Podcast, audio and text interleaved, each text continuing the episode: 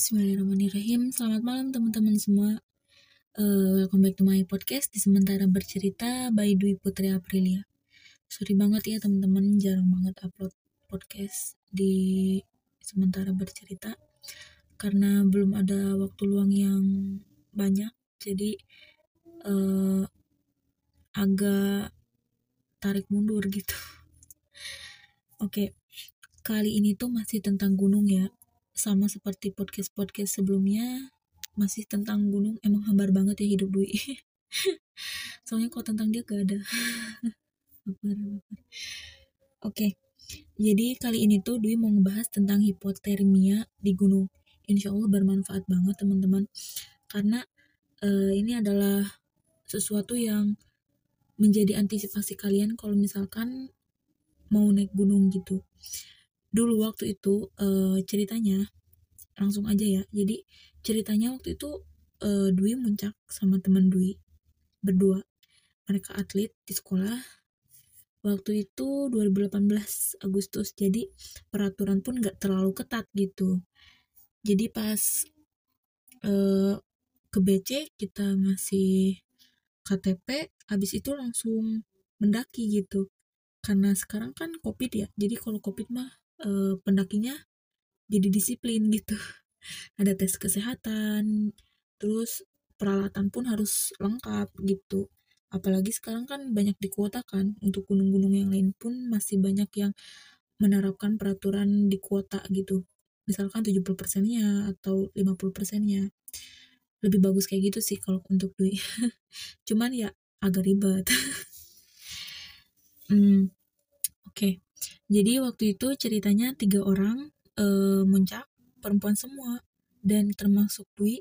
Rencana awalnya itu kita mendaki e, dua hari satu malam rencana awalnya. Cuman di tengah-tengah karena ada temen Dwi yang hipotermia akhirnya kita uh,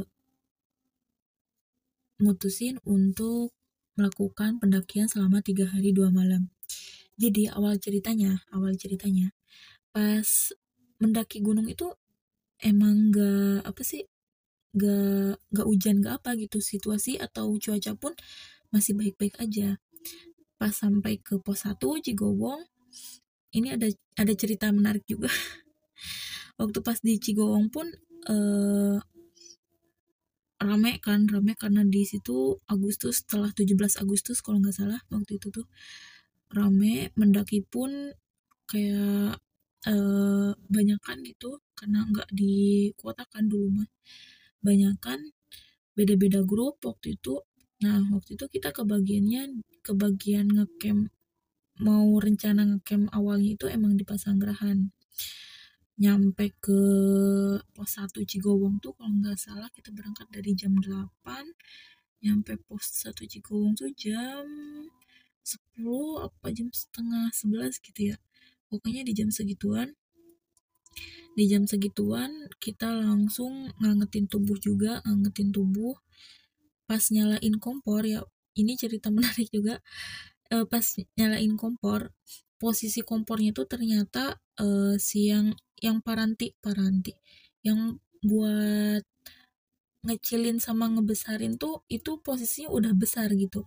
Pas dicetrekin pas dicetrekin apinya tuh besar banget. Jadi hampir kayak meledak gitu. Dan itu tuh posisi muka Dwi itu ada di atas kompor. Akhirnya ya bulu hidung pun ya kebakar ya intinya itu ada ada cerita hikmahnya supaya kalau misalkan kalau mau muncak ya lihat dulu kompornya. Itu posisinya udah uh, kecil apa udah besar gitu. Oke okay, guys. Jadi itu pengalaman menarik menarik juga sih. Dan waktu itu pas di pos satu Cigowong tuh uh, teman-teman yang pendaki lain pun ada yang ngebantuin kita gitu. Wah neng ini kayak gini harusnya gitu. Dan waktu itu ketemu sama pendaki lain empat orang dari Jakarta mereka join terus bareng sama kita dan kita pun welcome welcome aja sih karena posisi kita perempuan semua jadi kalau mendaki ya kalau mendaki itu ketemu sama banyak orang. Bahkan ya saling polo-polo saling kenalan ya pokoknya seru deh kalau misalkan mau muncak gunung tuh. Banyak temen gitu dan akhirnya kita memutuskan untuk join bareng. Sampai puncak pun kita bareng terus. Dan ngecamp pun kita bareng terus sama mereka. Beda tenda kan maksudnya masing-masing gitu. Nah uh, kalau untuk mendakinya tuh kita emang dalam keadaan yang baik-baik aja alhamdulillah. Dan cuaca pun bagus gitu uh, bahkan dapat kayak kelangkang kalangkang tak apa sih yang bayangan gunung gitu loh. Alhamdulillah itu bagus banget pokoknya masya allah. Dan uh, itu tuh pas jam berapa ya? Jam 10 pagian kita nah pas turun pas turun ini teman aku itu mengalami hipotermianya pas turun gunung. Posisinya pas turun gunung itu di pos 2 pos 2 mau ke pos 1 nah teman aku yang satu ini dia mukanya pucat biasanya gejala-gejala hipotermia tuh ya badan yang ngegigil, gemeteran, terus muka pucat dan itu tuh terjadi sama temen aku gitu. Kan hipotermia itu ketika kondisi suhu tubuh kita itu nurun drastis kan dan berada jauh suhunya di bawah normal. Nah, kalau normal tuh berapa sih? 36, 37 derajat deh kalau nggak salah. Dan nah, bahkan hipotermia tuh menyebabkan gagal jantung, pernapasan, bahkan kematian gitu.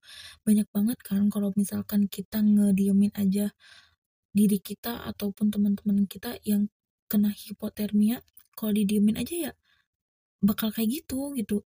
Dan banyak banget kalau misalkan nonton berita ya pendaki lain tuh ada yang egois gitu. Emang kalau misalkan mendaki tuh emang kelihatan banget sifat seseorang tuh keluar egoisnya ya keluar sifat-sifat aslinya gitu. Dan itu tuh sampai ninggalin temennya. Akhirnya temennya tuh meninggal. Itu tuh terjadi di gunung mana gitu? Pernah baca di IG berita-berita di IG gitu. Langsung nyebar luas itu. Dan ternyata penting banget ya kalau untuk milih-milih temen tuh. Selain memberikan pengalaman buat temen ya tetap aja kita harus antisipasi. Dan waktu itu emang gak kepikiran temen aku tuh bakal hipotermia. Nggak kepikiran sama sekali. Karena dulu waktu itu kan emang percaya mereka atlet kan jadi fisiknya kuat. Ternyata emang beda kan. Tiap imun ataupun fisik kan beda-beda tiap orang gitu.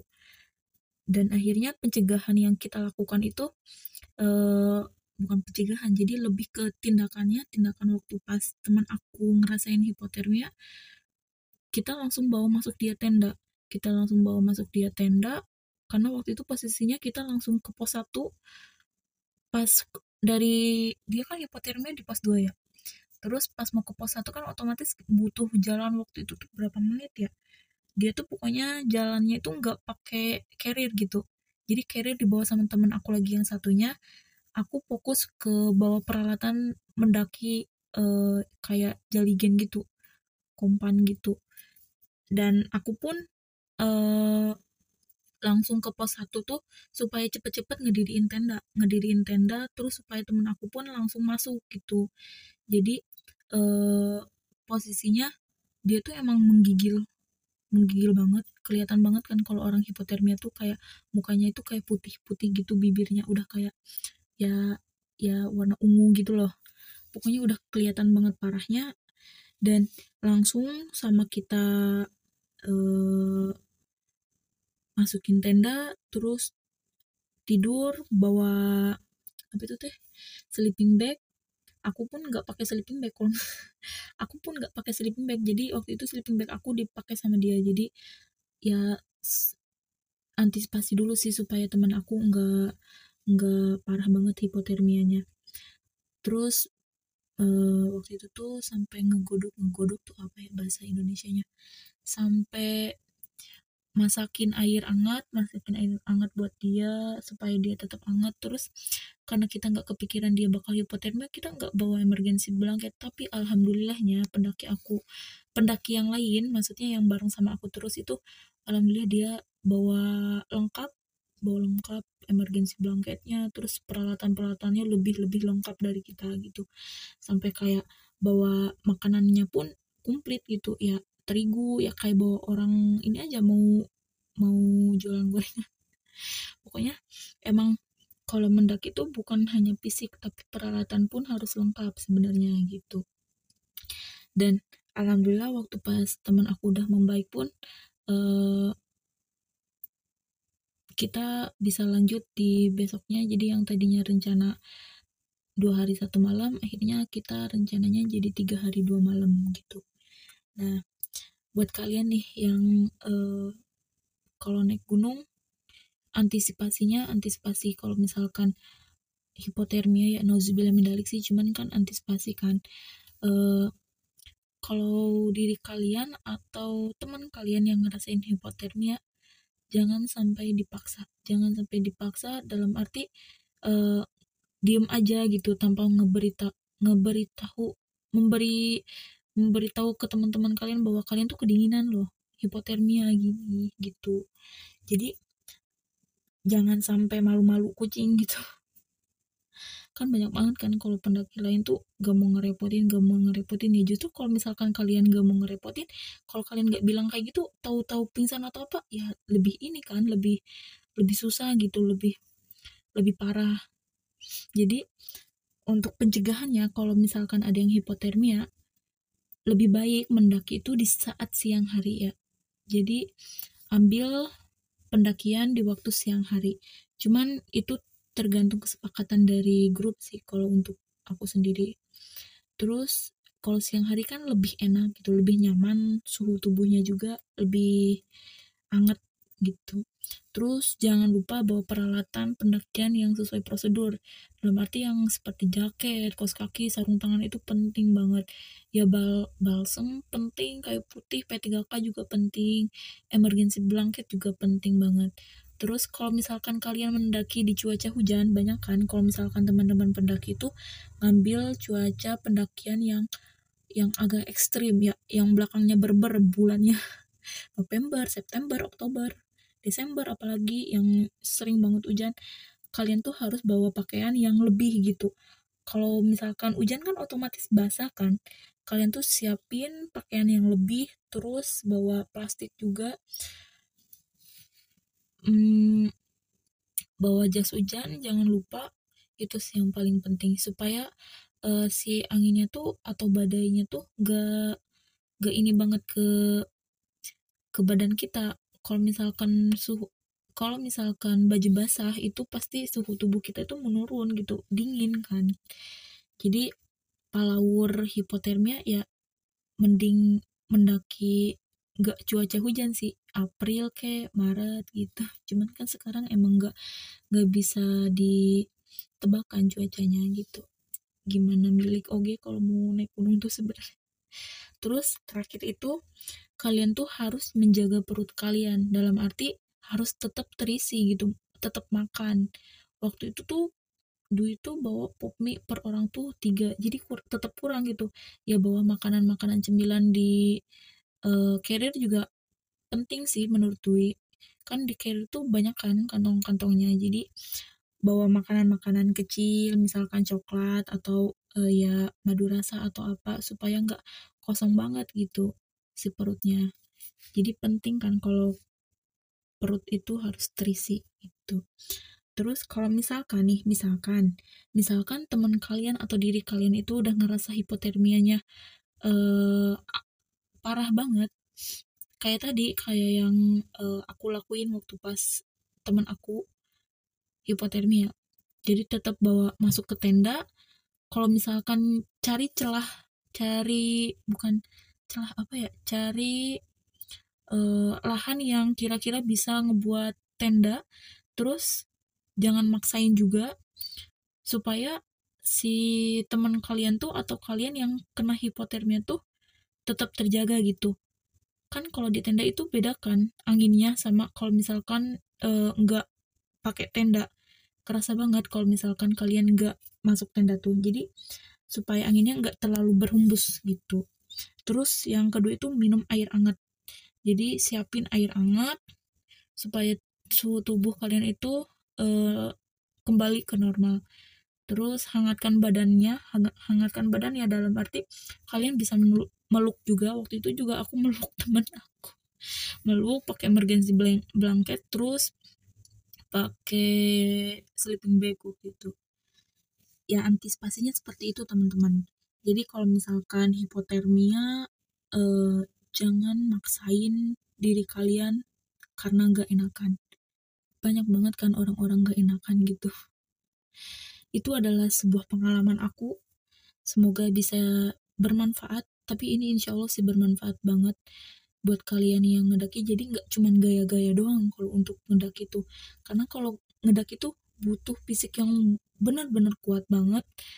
Mau semisalkan kalian uh, maaf nih semisalkan kalian jago dalam hal olahraga ataupun apa kalau untuk mendaki itu beda lagi karena kita itu harus beradaptasi sama alam sama alamnya langsung gitu.